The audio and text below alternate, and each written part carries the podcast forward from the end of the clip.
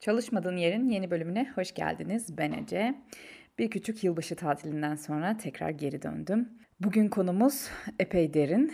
Biraz uzun bir bölüm olacak. Yine önden şöyle bir uyarımı küçük yapmış olayım. Gerekirse durdurup tekrar ertesi gün dinlemeye devam edebilirsiniz. Ben bu tür bölümleri tek seferde çekmeyi seviyorum. Nasıl olsa dilediğiniz zaman dinleyebilirsiniz durdurup tekrar. Evet konumuz bilinç dışı ve gölge yan. Herkesin zaten Jung'dan bildiği o gölge tarafımız, o dark side, shadow diye bildiğimiz hayatımızın içerisine bilinç dışı ya da bilinç altı olarak da geçmiş olan diğer tarafımız, o kötücül tarafımız aslında genellikle karşımıza çıkan hali daha mistisize edilmiş hali. Özellikle Jung'un ezoterizme olan ilgisinden dolayı mistisize edildiğini çokça görüyoruz ama aslında metafizik bir konu, daha doğrusu metafiziğin mistisize edilmiş bir hali değil bilinç dışı ve gölgeyen. Burada iki temel kitap var baz aldığım. Bir tanesi Jung'un zaten insan ruhuna yöneliş, diğeri Saffet Murat Turan'ın Histerik Bilinç kitabı. Genel olarak bunlardan baz aldığım şekliyle anlatıyor olacağım ama zaten Jung'un farklı kitaplarında da işte psikolojide tipler, dört arketip falan gibi başka kitaplarında da çeşitli okumalarla bu konunun derinine inebilirsiniz. E, bilinç dışı kavramını elbette psikolojik bir dinamik olarak ele alacağım. Ve daha sonra Saffet Murat hocanın da eğiliminde olduğu gibi birazcık da işin içerisine nörobilim katarak yani bilinç dışının nörobilimiyle toparlayıp bölümü tamamlayacağım bakalım. Şimdiden hepimize kolay gelsin diyorum. Açılışı William Blake'in çok sevdiğim bir sözüyle yapmak istiyorum. Eyleme dönüşmeyen arzu ruhsal bozukluğa yol açar. Bölüm boyunca buna çok kez referans vereceğim. Eyleme dönüşmeyen arzu dediğimiz şey aslında işte tam olarak giderilmemiş bir ihtiyacın bizi içeriden çökertmesi, içeriden farklı yönlerde manipüle etmesi. Buna tekrar zaman zaman değineceğiz dediğim gibi. E, gölge yan konusu uygarlık tarihi boyunca bütün kadim anlatılarda, bütün kadim hikayelerde hep karşımıza çıkan bir konu. Yani o gölge yanı Bugün bile hala pek çok işte edebiyattan sinemaya kadar bir sürü tarih boyunca önümüze gelmiş insan tarafından yaratılmış kurgusal hikayelerde çokça görüyoruz zaten. Bu öyküler gölge yan üzerine kurgulanmış olan öyküler bizim için çok uzak ve yabancı şeyler değil. Çünkü zaten daha önceki bölümlerde de hep bahsettiğim gibi hayat, evren ve bizim doğamız bunun bir parçası olarak bir dualite üzerine kurulu. Dolayısıyla gölge yanda bu dualitenin bir parçası ikilik fikrinin hakim olduğu bir evrende başka türlüsü zaten düşünülemez. E, en çok bilinenler özellikle bugün popüler kültür anlamında konuştuğumuzda Star Wars'taki Dark Side zaten herkesin çokça bildiği artık bu konuda spoiler bile kabul etmeyen bir konu. E, Harry Potter'da da bir gölgeyan mevzusu var. Ona da böyle bir minik ileride değineceğim. E, Dr. Jekyll, Mr. Hyde çok ünlü bir hikaye bildiğiniz üzere e, kişilik çatışması, kişilik bölünmesi yaşayan bir kişinin hikayesini anlatmakla birlikte aslında sembolik olarak bir gölgeyan ve gölgeyanın entegre edilmesi mevzusundan bahsediyor. E, onun dışında edebiyatta suç ve ceza Dostoyevski'den yer altından notlar bunlar yine benzer o kişinin içerisindeki iç çatışmayı, o gölgeyanla çatışmasını, bilinç dışının nasıl yüzeye tezahür ettiğiyle ilgili kısmı anlatıyor. Marquis de Sade bilmiyorum biliyor musunuz ben e, severim edebi tarafıyla kendisini. Justin isimli kitabında yine bir parça buralarda gezinmişliği var falan derken önümüzde gördüğünüz gibi pek çok örnek var ve bu yeni bir hikaye değil insanoğlu için. Tarih boyunca pek çok anlatıyla günümüze kadar gelmiş. En başta dediğim gibi bilinç dışı ve gölge yan dediğimiz zaman ilk önce aklımıza tabii ki Jung geliyor. Jung'la özdeşleştirilmesinin tabii ki çeşitli sebepleri var. İlk olarak psikanaliz geleneğinden gelip shadow terimiyle psikanalizin içerisine, o disiplinin içerisine bir yöntem olarak tedavi yönteminin aşaması olarak entegrasyonunu yani gölge yan çalışmasını ele almasıyla zaten Jung tabii ki hemen ön plana çıkıyor. Çok kısaca hemen gölge yan o bilinç dışı dediğimiz şey nedir dersek bastırılmış yüzeye çıkmasını istemediğimiz bilincimizin ışıklı tarafında yani aydınlık tarafında kalamamış olan ya da kalmasına bilinçsiz şekilde izin vermediğimiz bunun bilinç dışında kalması için de ekstradan beynimizin efor sarf ettiği kısma biz gölge yan ve bilinç dışı diyoruz. E, kendimizi bilme sürecinde biliyorsunuz ki ben hep her konuyu bir öz araştırma pratiği olarak ele alıyorum. O yüzden gölge yanı entegre etmenin, onu dışlamamanın, kendi benliğine dahil etmenin kendini iyileştirme ve kendini tanıma yolunda çok önemli olduğunu zaten başta Jung olmak üzere bütün bu pratiklerde çalışan ve araştıran, yapıt ortaya koyan düşünürler, yazarlar dile getiriyor. Burada iyi ile kötünün tanımının nasıl yapıldığı kısmı tabii ki çok önem arz ediyor. Arkadaki şıkır şıkır duyduğunuz sesler fosforun oyuncak sesleri. Nedense podcast çekeceğim zaman birden oynayası tutuyor. Ve iyi ile kötü evet bir iki uç gibi görünse de aslında bir spektrum ve o spektrumun üzerinde nerelerde kaldığımız, nereleri gezindiğimiz kısmı bizim bütün benliğimizi oluşturan bir bileşen. Gölge yanda aslında daha önce şemaları dönüştürmek bölümünde bahsettiğim gibi çok insani temel ihtiyaçlarımızın sürdürülebilirliği için işlevsel olarak otomatik bir şekilde beynin ortaya koyduğu bir mekanizma. Yani daha önce ne dedik? İşte bir hayatta kalma mekanizmamız var. Hem mental hem bedensel hem duygusal her anlamda hayatta kalma mekanizmamız var içeride ve bunun bu mekanizmanın çalışabiliyor olması için Üç temel şeye ihtiyacımız var. Bir tanesi güvenlik, kendimizi güvende hissetmek, hayati tehlikemizin olmaması.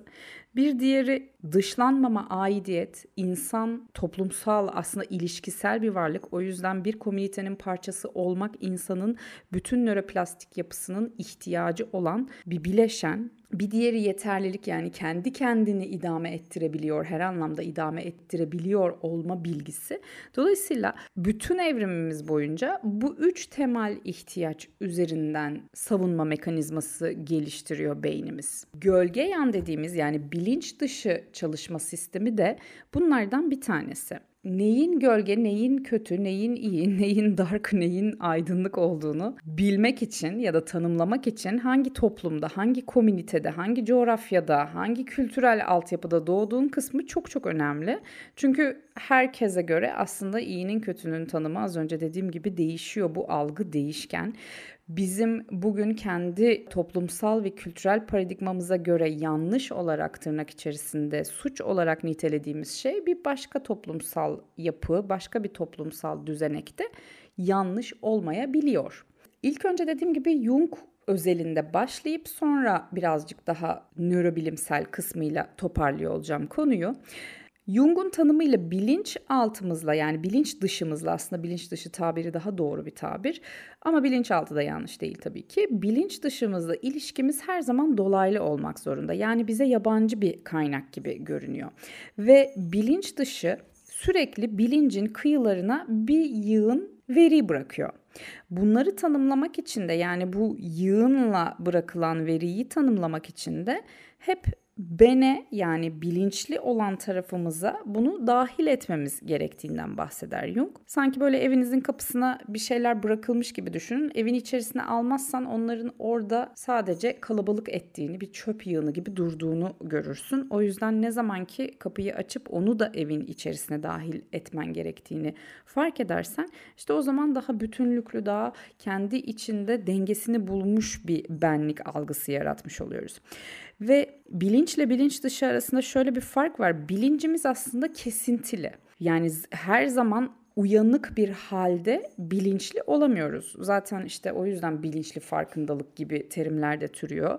Bilinç tabii ki kendi içerisinde bir aktifliği, nörofizyolojik aktifliği var. E, bu bambaşka bir konu ve bu konulara çok daha başka bir bölümde gireceğim. Bilincin ne olduğu, bilinç problemi tartışması. O yüzden burada çok jenerik bir bilinç tanımından bahsediyorum. Onu da başta söylemiş olayım. Bilinç dediğimiz şey kesintili. Dolayısıyla gün içerisinde her an bilinçlilik halimiz söz konusu değil. Ama bunun aksine bilinç dışımız kesintisiz çalışıyor. Dolayısıyla sürekli içeride bir veri depolama, veri işleme hali var bilinç dışında. Bilinç dışı olmasının sebebi zaten bu kesintisizlikten geliyor. Bu veri üretimi sürekli devam ettikçe, depolandıkça da orada şişen bir birikim oluşuyor. Ve o birikimin bir noktada ya yüzeye yani bilincin aydınlık olan, uyanık olan, açık, görünebilir olan tarafına tezahür etmesi ve belki çözümlenmesi gerekiyor ya da daha fazla bastırma mekanizması ihtiyacı doğabiliyor. O yüzden bilincin bu kesintisizliği zaten bizim bilinç dışımızın bu kadar güçlenmeye meyilli olmasının sebeplerinden bir tanesi.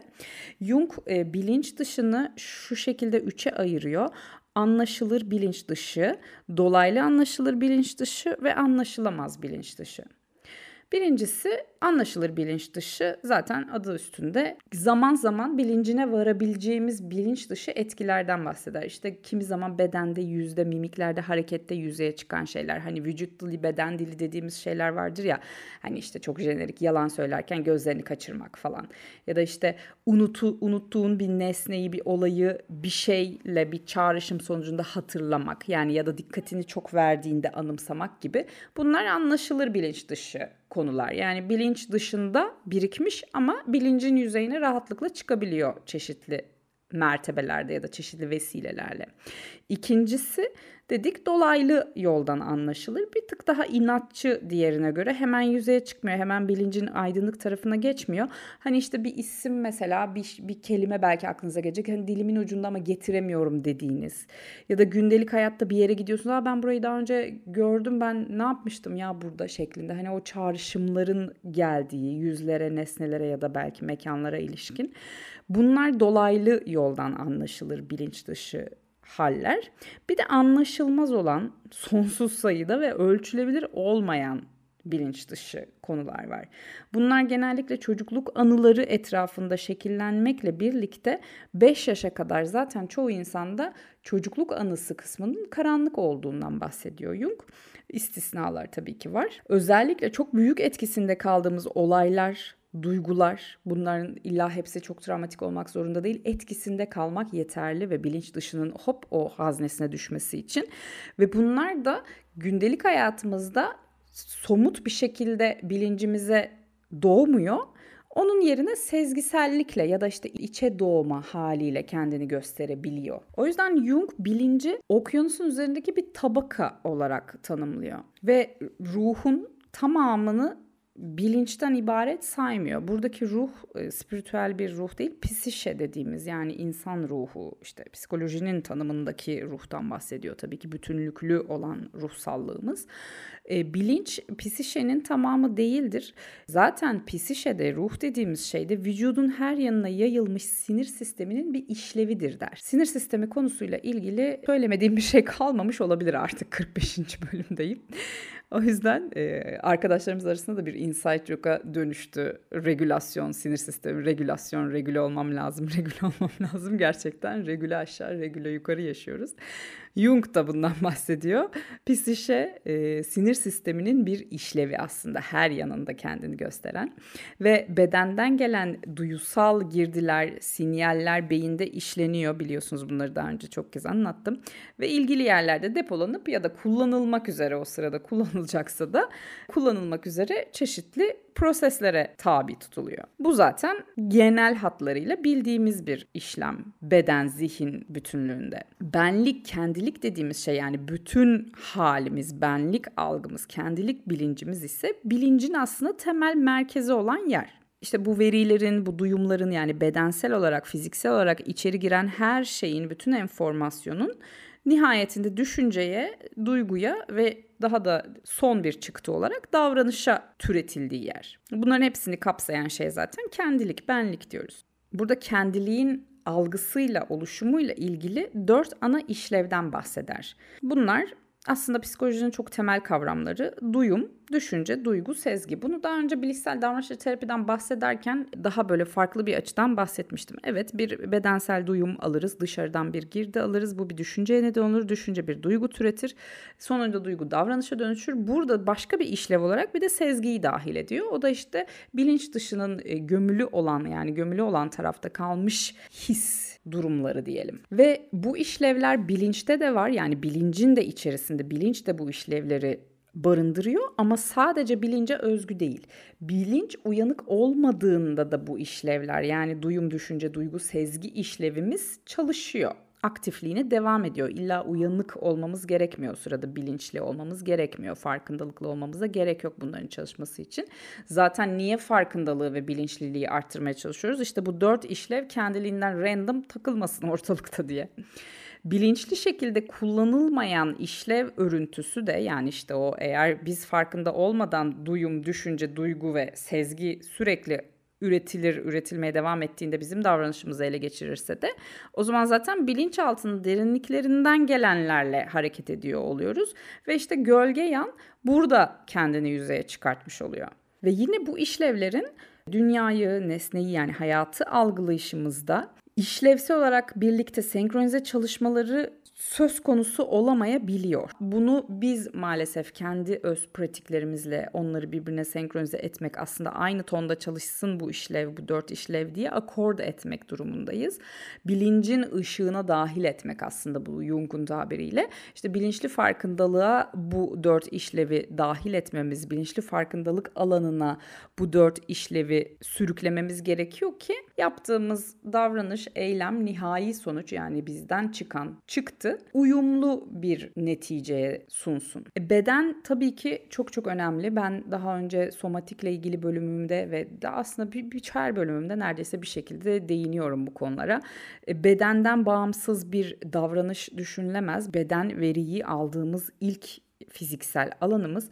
O yüzden bedeni böyle sadece bir et, kemik parçası gibi düşünmüyoruz. E, somatik deneyim, somatizasyon her şeyin başı. Jung da tabii ki bedeni çok büyük vurgu yapıyor ve bilinç dışı üretimin en temel kaynaklarından biri olduğunu söylüyor bedenin. Çünkü beden aslında çoğunlukla istemediğimiz şeyler üretir diyor. Bedenden gelir aslında ilk olarak işte o dürtüler, o içgüdüler, o arzular.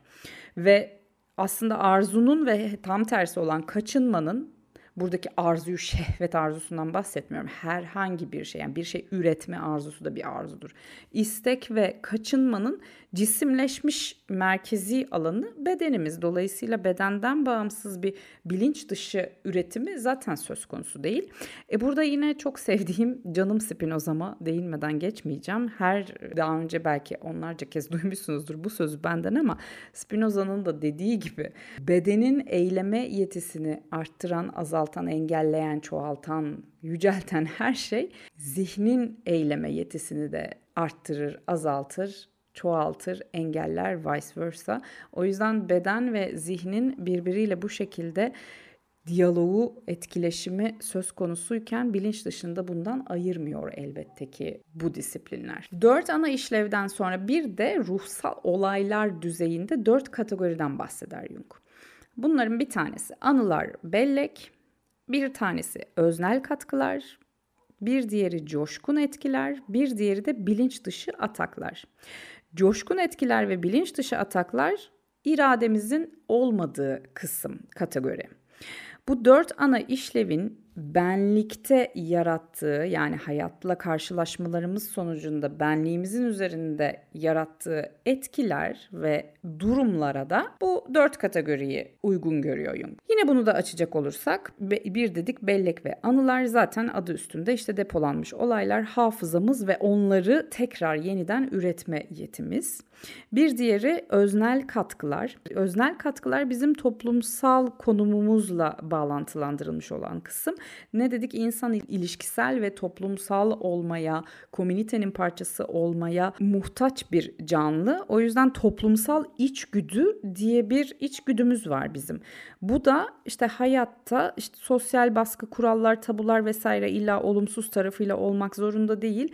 Bizim topluma uyumlu komüniteye ya da ait olduğumuz o işte circle, çember her neyse ona uyumlanabilmek, dışlanmamak için geliştirmiş olduğumuz çeşitli yönelimler. Örneğin işte hani normalde biriyle konuşurken kelimeleri seçiyor olmak, gayri ihtiyari ekstra bir efor sarf etmeden karşındaki insanla konuşurken belli bir nezaket ölçeği kullanmak ya da ne bileyim en basitinden işte sevmediğin birini gördüğün zaman şeytan görsün yüzünü demiyorsak o insana merhaba nasılsın diyorsak bu zaten öznel katkılar dediğimiz şey. Yani amaca uygun, toplumsallık amacımıza uygun şekilde yönlendirdiğimiz hal hareket yani uyumlanma şemamız aslında öznel katkılar oluyor.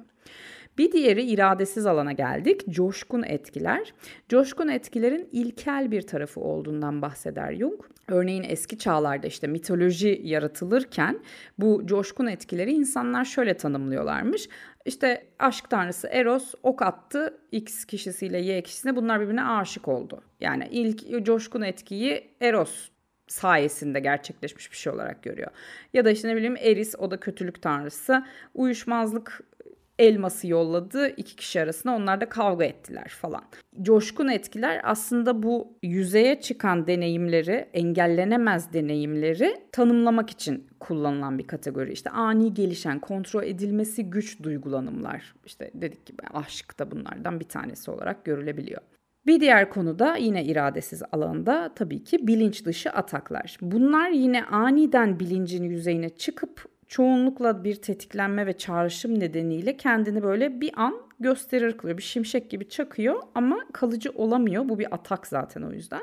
Ve kişinin normal davranışına aykırı bir şey olarak o yüzeye çıktığında hemen bu atağı bastırmaya çalışıyor kişi. Yani bir tür otosansür mekanizması devreye sokuyoruz böyle durumlarda işte dil sürçmesi falan gibi en basit, çok çok, basit tabir belki. Temel araştırma pratiği, Jung'un da tedavi pratiğinin en önemli parçalarından bir tanesi bunların hepsini işte bu dört kategorinin hepsini aydınlık olan yani ışıklı olan benlik bölümüne bilinçli alana taşımak, oraya dahil etmek ve benliği bütünsel bir açıdan ele almak. Jung'un şemasında şöyle tarif etmeye çalışacağım. Umarım anlaşılır olur. Bir doğru düşünün şöyle çizgi. Onun üst tarafı aydınlık olan taraf. Alt tarafı bilinç dışını temsil eden taraf. Ama hem üstü hem altı kaplayan da bir daire var. O dairede benlik. O benlik alanının da bir de merkezi var ve bu da doğrunun yani ortadan geçen çizginin biraz üstünde kalıyor. Şimdi alt tarafa yani çizginin altına dairenin alt katmanına indiğimiz zaman işte az önce bahsettiğimiz o anılar, öznel katkılar, coşkun etkiler, bilinç dışı ataklar var. Orada bekliyor. Jung'un bir de şöyle bir eklemesi var. Daha önce içe dönük dışa dönük bölümünde bir şeylerden bahsetmiştim. Burada o kadar derin girmeyeceğim tabii ki. Dışa dönük insanların benlik merkezinin o çizginin, o doğrunun daha yukarısında olduğunu söyler. Dolayısıyla hayatla karşılaşmalar içerisinde ya da bir güçlük yaşadıklarında daha dış dünyaya yönelimleriyle kendilerini regüle ettiklerini söyler. Benlik merkezi biraz daha aşağı kaymış yani o doğruya daha yakın olan kişilerde de içe dönük olan kişilerde de çizginin altına gitmeye yani o daha karanlık olan karanlıktan kastım kötücül karanlık değil yani anılar da orada dediğimiz gibi birazcık daha regülasyonu oralarda daha içeride daha çizginin altında kalan alanlarda aramaya meyilli olduğunu söyler. İçe dönük dışa dönük arasında da böyle bir fark olduğundan bahsediyor. Bu da ilginç gelmişti bana. Yine benliğin bölgelerini şöyle tanımlıyor. İşte A bölgesi az önce bahsettiğimiz o gayet görünürde olan dört işlevimiz duyum, düşünce, sezgi duygularımız. B bölgesi benlik irade bölümümüz yani aslında irademizi ortaya koyduğumuz alan. C bölgesi bu az önceki dört ruhsal olay yani anılar, öznel katkılar, katkılar, coşkun etkiler, bilinç dışı ataklar çizginin altındaki alan. B bölgesini yani benlik irade bölgesini A ve C arasında görünür olanla görünmeyen arasında bir köprü gibi görüyor. Bir de D bölgesi var iyice artık tamamen bilinç dışının kap karanlık olan kısmı bireysel bilinç dışı, kolektif bilinç dışı. Kolektif bilinç dışını arketip olarak da e, çok kısa hemen tanımlayabiliriz. D bölgesi de zaten en karanlık alan.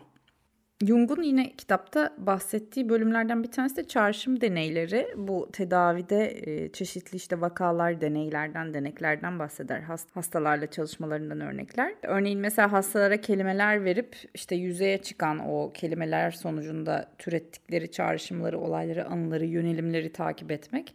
Bu D bölgesini yani derinlerde kalmış olan karanlık bilinç dışı tarafını, karanlıkta kalmış olan bilinç dışı tarafını bir parça olsun en azından o benlik merkezi alanına dahil etme çalışmaları aslında bunlar. Burada çok ilginç bir detay dikkatimi çekti. Şey diyor, e, eğitimli kişiler dili düşüncelerini aktarmaktan çok gizlemek için kullanırlar diyor. Buradaki konu işte eğitimli kişiler yalancı ve samimiyetsizdir falan gibi bir konu değil tabii ki. Aslında dil dediğimiz şey de bilinç dışının farklı bir taraftan beynin başka bir taraftan temsilini de içeriyor. Dil konusu da çok kompleks bir konu zaten. Ama düşünceleri aktarmaktan çok gizlemek için kullanırlar derken buradaki gizleme kötü niyetli bir gizleme değil. Tam tersi aslında işleve uygun hale getirme. Yani dil üzerindeki yetkinliğini işleve uygun hale getirerek kendini ifade eder hale geliyorsun. Eğitimli kişilerde, deneklerde böyle bir durumun öne çıktığından bahseder. Bir de yine burada kompleks konusu var. Kompleks işte bilinçli, bilinçsiz çeşitli derecelerde ve genellikle iradesiz bir şekilde ortaya çıkan ruhsal bir içeriktir der. Ve egemen bir kompleksin etkinliği altındaki bir insan yani bir kompleks yaşayan onun genellikle etkisi altında olan insan karşılaştığı tüm yeni verileri hayatla bütün karşılaşmasını yeni ne varsa karşısına çıkan bu egemen kompleks doğrultusunda algılar ve anlar der. O kompleksin bileşenleriyle o kompleksin kendi içsel dinamikleri ölçüsünde hayatını yaşıyor. İradesi dışında aslında bir şeyleri deneyimliyor, bir şeyler ortaya çıkıyor ve kayboluyor der. Burada da yine şöyle bir şema var. Yine bir doğrusal çizgi düşünün. İşte üst tarafında bir yarım daire var orası bilinç alanı. Alt tarafta daha büyük bir yarım daire var bilinç dışı alanı. Kompleks hem bilinci hem bilinç dışı alana da dahil olan bir içerik aslında. Yine bilinç dışının da bileşenlerinden bir tanesi bu durumda tabii ki. Bir diğer konu rüyalar bildiğiniz üzere bilinç dışının en etkin kaynaklarından bir tanesi. E, bilinç dışı etkinliği sonucu doğduğu için rüyalar orada o karanlık alanda uyuyan içerikler random bir şekilde dizilip kendi kurgusallığında bir fragman ortaya koyuyor ve biz de bunu geceleri izliyoruz bu fragmanları ve tabii ki elbette çağrışım yoluyla hareket ediyor. Burada rüyaları tarif ederken ya da rüyaları anlarken anlamaya çalışırken dikkat etmemiz gereken çünkü bu bizi başka bir yere de götürecek önemli bir konu var ödünleme telafi mekanizması. Bu da e, ödünleme şu demek normalde engellenmiş olan doyurulmayan bir dilek, istek, davranış her neyse bunun yarattığı bir içsel tedirginlik, bir doyumsuzluk hali farklı bir onun yerine geçen ikame bir dilek, istek ya da eylemle e, giderilmeye çalışılır. Buna telafi deniyor. Örneğin en basit telafi e, fark etmeden yani iradesiz telafi yeme bozukluğu işte yeme bozukluğu dediğimizde aslında bu başka bir şeyin ikamesi bir davranış biçimi. Başka bir eksikliğin duygusal bir yoksunluğun ikamesi olarak yüzeye çıkan bir davranış biçimi. Rüyalarda da işte diyor bu bilinç dışı içerikler bu telafilerdir yani bilinç dışı içerikler tatmin edilmemiş her ne varsa bilincin doğasında onların ödünlenmesi halidir ve bunlar işte bir film gibi gözünüzün önüne getirir verir bilinç dışı diyor. İyileşme yöntemi olarak da şu latince deyişi vurgular. Similia similibus curantor. Benzerleri benzerleriyle iyileştirmek gerekir der Jung. Yani aslında ikamesiyle değil işte duygusal bir yoksunluğu yeme bozukluğuyla kapatmaya çalışmak değil buradaki doğru metot. Oradaki yoksunluğa en yakın olan şekilde onu telafi etmeye çalışmak. Hop buradan işte hatırlayalım William Blake'in en baştaki bahsettiğimiz sözünü. Eyleme dönüşmeyen arzu ruhsal bozukluğa yol açar var. O yüzden o istek, o arzu, o dilek, o dürtü, içgüdü her neyse bunu ikame edeceksek bile, onu yapamıyorsak bile çok benzeriyle ya da en azından başka konularda muadilini bulmaya çalışarak ondan kaçmak yerine onu bastırmak, onu yasaklamak şeklinde değil, onun muadiliyle, ona benzer bir tarafıyla, ona benzer paralel giden başka bir yönle onu telafi etmeye çalışmak aslında o iyileşmenin bir parçasıdır der. E bu şu demek değil tabii ki yani içinizden bir suç işlemek geliyor, bir şey çalmak geliyor. İşte git çal o zaman böylece ödünlenme mekanizmasını sağlıklı çalıştırırsın. Bu, bu, bu yüzeysellikte bir şeyden bahsetmiyoruz tabii ki. Öncelikle onu bilincin ışığına çıkarmak. Yani neden böyle bir istek geliyor? Bu isteğin kökeninde ne yatıyor? Ne doyurulmadı da bu istek yüzeye çıkıyor? Bu bir suç olarak kendini gösteriyor gibi. Ya da öfkeyi bastırmama gerekliliği gibi. Öfkeni evet öfkeli biriyim ben o yüzden öfkemi bastırmıyorum, kırıp döküyorum, her şekilde şiddet uyguluyorum uyguluyorum da değil. Öfkenin yüzeye çıktığında onu nasıl yönetebileceğini araştırmak. Bastırmak da değil, şiddete başvurmak da değil. Ve hani çokça bildiğiniz, belki duyduğunuz bir sözüdür. Popüler biliyorsunuz ki siz bilinçaltınızı bilince dönüştürene kadar o sizin hayatınızı yönlendirecek ve buna kader demeye devam edeceksiniz. Jung'un en meşhur laflarından bir tanesi. Zaten tam olarak konumuz bu. Yani bilinçaltını alıp ışık tuttuğun bir yere götürmek zorundasın. Olabildiği kadar tabii ki. Burada bir diğer konu kötülük eğilimi devreye giriyor.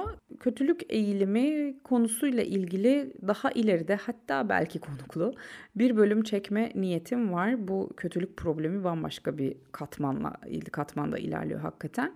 E, Jung da kötülük eğilimine şöyle değiniyor tabii her insanın belirli düzeyde bir kötülük eğilimi var. Yani herkes içerisinde aslında bu kötülük tohumunu taşıyor ve bu çok doğal, çok insani bir şey. E, hatta erdemlerden işte o gururlanmaktan kaçınmalıyız. Çünkü onun gururun hemen yanında gölgesi var. Her şeyin bir gölgesi olduğu gibi erdemin de gölgesi var, gururun da gölgesi var. Dolayısıyla bununla övündüğünde aslında gölgeyi de yüceltmiş oluyorsun diyor. Olumsuzunu da yüceltmiş oluyorsun diyor. Her zaman her şey tek taraflı sadece ışıklı olan tarafı yaşamakla ilgili olamaz tabii ki. Ve iç yaşantımızda elbette bu kötülük eğiliminin belli bir etkisi var. Kimi insanlarda işte karşı koymaktan kaynaklı bir iç çatışması, o otosansürün getirdiği bir iç çatışması söz konusu olabiliyor. Çatışmalı bir kişiliğe varıyor. İşte Dr. Jekyll, Mr. Hyde hatırlayın.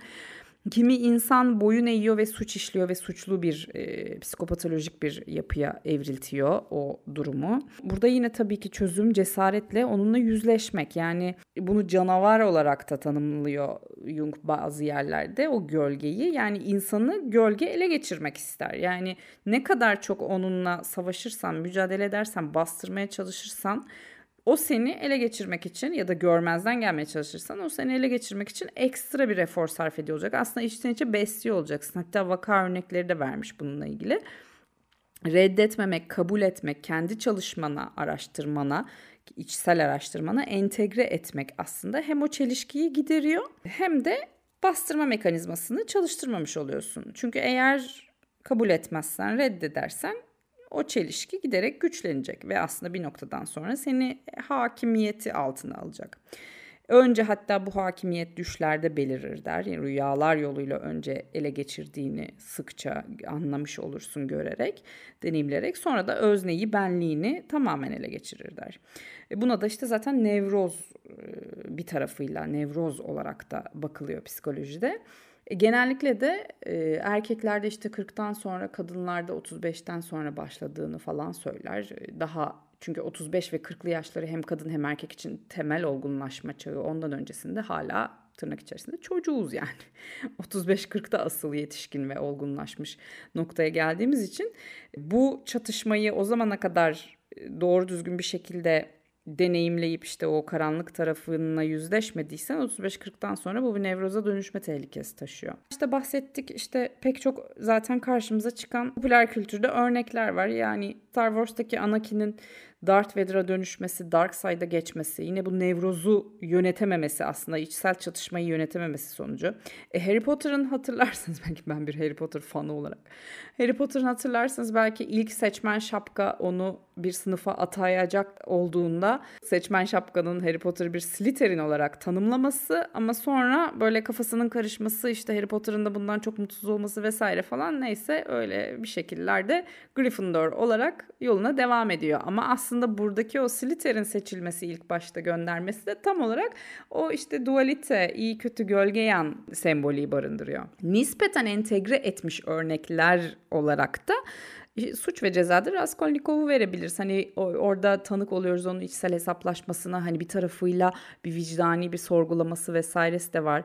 Ya da yine Marquis de Satan Justin'in de işte hani entegre etmiş, onunla yüzleşebilmiş, onu birazcık daha kabul etmiş ve yaşamayı biraz tabii ki toksik bir boyutta. Justin biraz rahatsız edici bir kitap ama ben sevmiştim bu arada çok farklı açılımlara doğru götürülebilen e, okumalar yapılabilir hakikaten o kitap üzerinden. Hani bunlar da nispeten entegre etmiş olan, gölge tarafına entegre etmiş olan örnekler. Bunun gibi e, dediğim gibi hem sinemada, edebiyatta pek çok metin, pek çok anlatı tarihte bulabiliriz. E çünkü bilinç dışının yani işte o karanlık tarafın bilincin tersi yönde akan bir gücü var ve dolayısıyla bunu tanımaya çalışmamız gerekiyor. Yani tersine gelen bir şeyin üstüne gidersen sadece dirençle karşılaşırsın.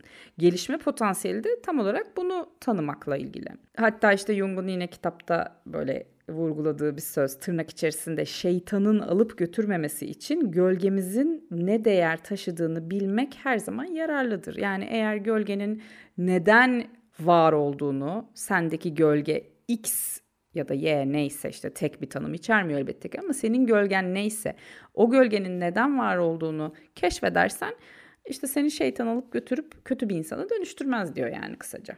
Burada tabii ki şu mevzu da var. Hayatta en çok yargıladığın şeylerin aslında senin gölgeni temsil etmesi gibi bir konuyu da bir referansı da duymuşsunuzdur muhtemelen. Bunun tabii ki doğru olan tarafları var. Çünkü bastırma mekanizması sebebiyle aslında bastırdığın şey yargılama yönelimi olarak pop-up ediyor. Yani işte o bilinç dışı ataklar dedik ya az önce. O bilinç dışı ataklardan bir tanesinde yargılama, otomatik yargılama mekanizması, otomatik savunma mekanizması olarak görebiliriz. Aslında bu işte bilinç dışının bir temsili. Ha bu her zaman böyle olacak diye bir kural yok ama olma ihtimali taşıdığını bilmemiz de önemli. İşte Aa şöyle insanları hiç sevmem diyorsan belki sen de ona dair bir minik e, temsil barındırıyor olabilirsin karanlık tarafında. Hepimiz için geçerli bu. Ya da bir diğer yine bastırma mekanizması bilinç dışının aslında pop-up ettiği yerlerden bir tanesi. Bir şeyi çok fazla diline dolamak. Ne bileyim bir insan çok fazla atıyorum ne olsun dürüstlükten işte ben çok dürüst bir insanım ben dürüstlüğe çok önem veririm ya da sadakatten falan böyle böyle kavramlara çok çok büyük çok hani ağzında olan şey o insanın e, eyleminde yoktur falan gibi böyle laflar var ya aslında o tam olarak bastırma mekanizmasının bir kendini gösterme biçimi o kadar fazla diline pelezenk ediyor ki aslında onu içinde barındırmadığını sinyalini vermiş oluyor bir taraftan da. Gölge yan bilinç dışı konusunun Jung bölümü böyle kabaca. Gelelim işin birazcık daha nörobilimsel kısmına. Burada Saffet Murat Turan'ın dediğim gibi Histerik Bilinç kitabından faydalandım ama diğer kitaplarında da kimi zaman bahsediyor. Saffet Murat Tura çok çok değerli bir psikiyatrist ve özellikle bilinç ve zihnin çalışma biçimi, beden zihin paralelliği, nörofelsefe, nöropsikoloji gibi konularla çokça ilgilenen ve bu konuda hakikaten çok ağır kitaplar kaleme almış benim çok sevdiğim bir hoca. Kendisinin bir başka madde mana işte o bilinç problemi konularıyla ilgili görüşlerini ve kendi görüşlerimi de tabii ki yorumlarıma ekleyerek ayrıca bir bölüm çekeceğim ama bu bölüme birazcık daha uzunca hazırlanıp demlendirmem gerekiyor. Ki o konu o bölüm hatta belki bir üç bölüm olacak ki nihayetinde üçüncü bölümü de yapay zekaya bağlayacağım. Çünkü Saffet Murat Tura tabii ki bilinç problemini yapay zeka ile yani nörofelsefeyi yapay zekadan ayrı düşünemiyoruz artık. O da ayrı bir podcast konusu olarak buradan duyurulmuş olsun. Saffet Murat Tura bilinç dışını loş bilgi olarak tanımlıyor. O şekilde ele alıyor. Ee, kendisi tabii ki psikiyatrist olduğu için ve nörobilimle ilgilenen temelde nörobilim üzerine bütün çalışmalarını yapan biri olduğu için o kısımdan ilerliyor olacağız incelemeye. Burada Freud'un tabii ki bastırma tanımına yer veriyor. Dürtünün enerjisini yani bastırma dediğimiz şey dürtünün enerjisinin bir psişik temsilciden çekilmesi, buna tırnak içerisinde yatırımın çekilmesi deniyor. Bilinç alanında başka bir temsilciye yatırılması, buna da karşı yatırım deniyor. Yani aslında ortaya çıkan işte o William Blake'in sözündeki gibi bir arzu var, bir istek var, bir dilek var.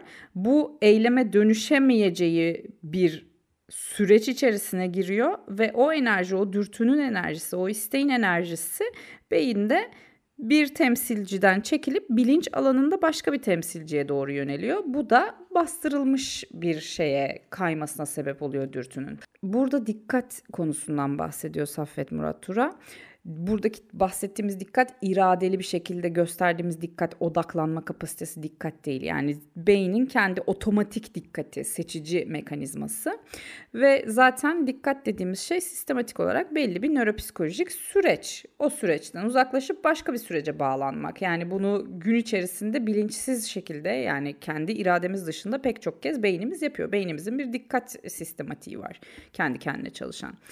Buradaki konumuz da bu dikkat bu arada onu da baştan söylemiş olayım. Ve bastırılan bir süreç işte az önce dedik ya yatırım bir yerden çekilip başka bir tarafa yöneltildiğinde bastırılmış oluyor ve o bastırılan süreç söndürülerek ihmal edilen bilinç dışına sürüklenen bir sürece dönüşür diyor. Yani bir veriyi alıp asıl işlenmesi gereken yere değil başka bir yere doğru sürüklüyorsun o da bilinç dışının havuzuna düşüyor. Çok kabaca. Ve bunu da aslında bir çeşit otosansür olarak niteliyor Saffet Murat Dura. Otosansür dediğimiz şey zaten beyindeki o ön dikkat sisteminin tezahürlerinden bir tanesi ve kendi kendimize yaptığımız bir şey. O yüzden örtük bilgi, loş bilgi olarak tanımlıyor bilinç dışını ya da işte tırnak içerisinde gölge yanı. Hatta bunun yine nörofizyolojik olarak da sol yarı uzamsal ihmal sendromu vakalarıyla açıklandığından da bahseder. Yani aslında sağ beyin sol beyin konusunu da burada ele alıyor. Loş bilgi konusunda, bilinç dışı konusunda bir e, yani vaka analizlerine göre genellikle sol yarı uzamsal kısımdaki bir ihmalle ortaya çıktığından bahseder bilinç dışı kayma süreçlerinin. Ve dikkat aslında işlevi gereği seçici. Yani dikkatin seçici olması lazım ki beynimizde belli bir enformasyon işlemlenebilsin, işleme sokulabilsin.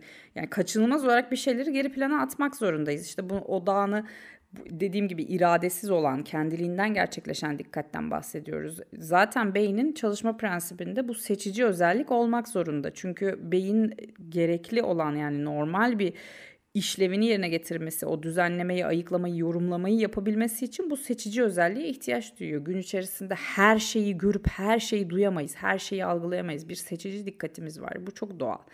Dikkatin bu seçici hali ihmali de beraberinde getiriyor otomatik olarak. Bir şeye dikkat ederken bir başka şeye edemiyorsun tabii ki aslında doğal bir süreç ve burada geri plana atılmış olan yani orada elenmiş olan odaktan dışarı kaymış olan şey ihmal nesnesi diyelim hadi buna bir şekilde arka planda çalışmaya devam ediyor. Bu da işte bilinç dışına havuzuna düşüyor.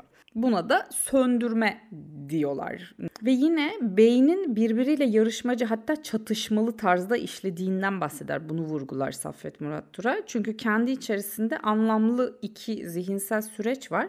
Birini bilinç alanına taşıyacak taşıması lazım. E, otomatik olarak hepsini taşıyamayacağı için doğası gereği öbürünün de ihmal edilen otosansür alanına düşmesi lazım. Yani aslında otomatik düşüyor bir şeyler bilinç dışına. Tabii ki otomatik düşerken hangi paradigmanın az önce en başta da bahsettiğim gibi hangi toplumsal, kültürel, duygusal ya da maddi manevi koşulların içerisinde hayatı deneyimliyor, algılıyor oluşumuz işte bu mekanizmada neyin bilinç alanına taşınıp neyin taşınmayacağı kısmının en önemli belirteçlerinden bir tanesi ve doğduğumuz andan itibaren bu zaten kendini gösteriyor bu sistem. Peki bilinç dışına düşmüş olan bu işte otosansüre düşmüş olan verinin bu sürecin akıbeti ne oluyor? E ne oluyor? Varlığını koruyor Jung'un söylediği gibi. Uyumsuz davranışlarda kendini gösteriyor. Rüyalarda kendini gösteriyor. Semptomlarda kendini gösteriyor. Çeşitli işte o bilinç dışı ataklar dediğimiz şey. Zaten hani bir şekilde aynı şeyi söylüyor Saffet Murat Hoca da burada. Yani bilinç dışına giden şey yok olmuyor. Tabii ki karanlık tarafta arada su yüzüne çıkıyor. Dolayısıyla her konuda olduğu gibi bilinç dışı, gölge yan, karanlık tarafımız konusunda da hiçbir şey beynimizden, nörofizyolojik, nöropsikolojik süreçlerimizden bağımsız gerçekleşmiyor. O yüzden bunu bilmek de bana her zaman iyi geliyor. Kontrolün bende olduğunu, kontrol freak bir yerden söylemiyorum bunu ama en azından bir şeylere çalıştığımda onun üzerinde belli bir etkim olabileceğini, o irademin olabileceğini bilmek hakikaten bana iyi geliyor.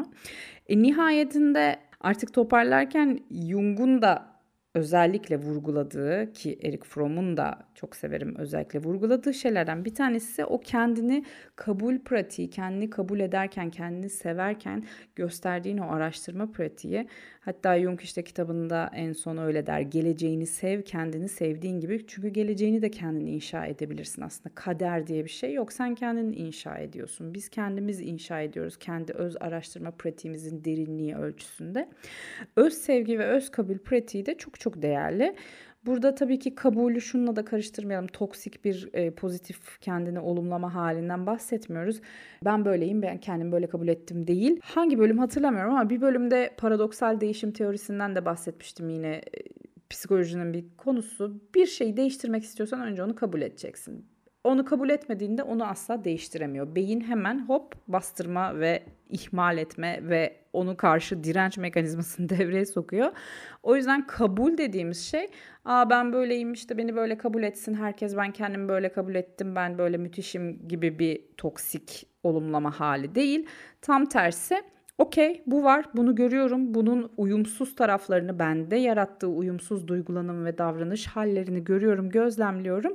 Acaba bunun için ne yapabilirim dediğin noktada değişim başlıyor.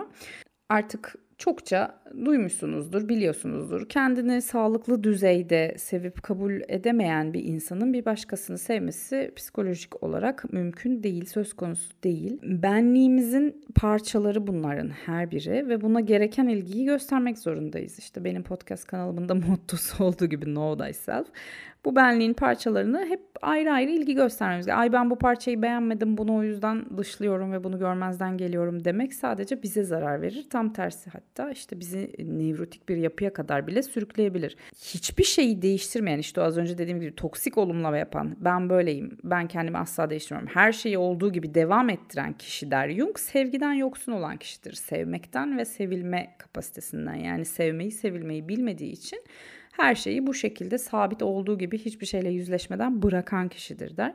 Ve bireysel olarak da toplumsal olarak da en büyük tehlikenin de bu kişilerden geldiğini söyler.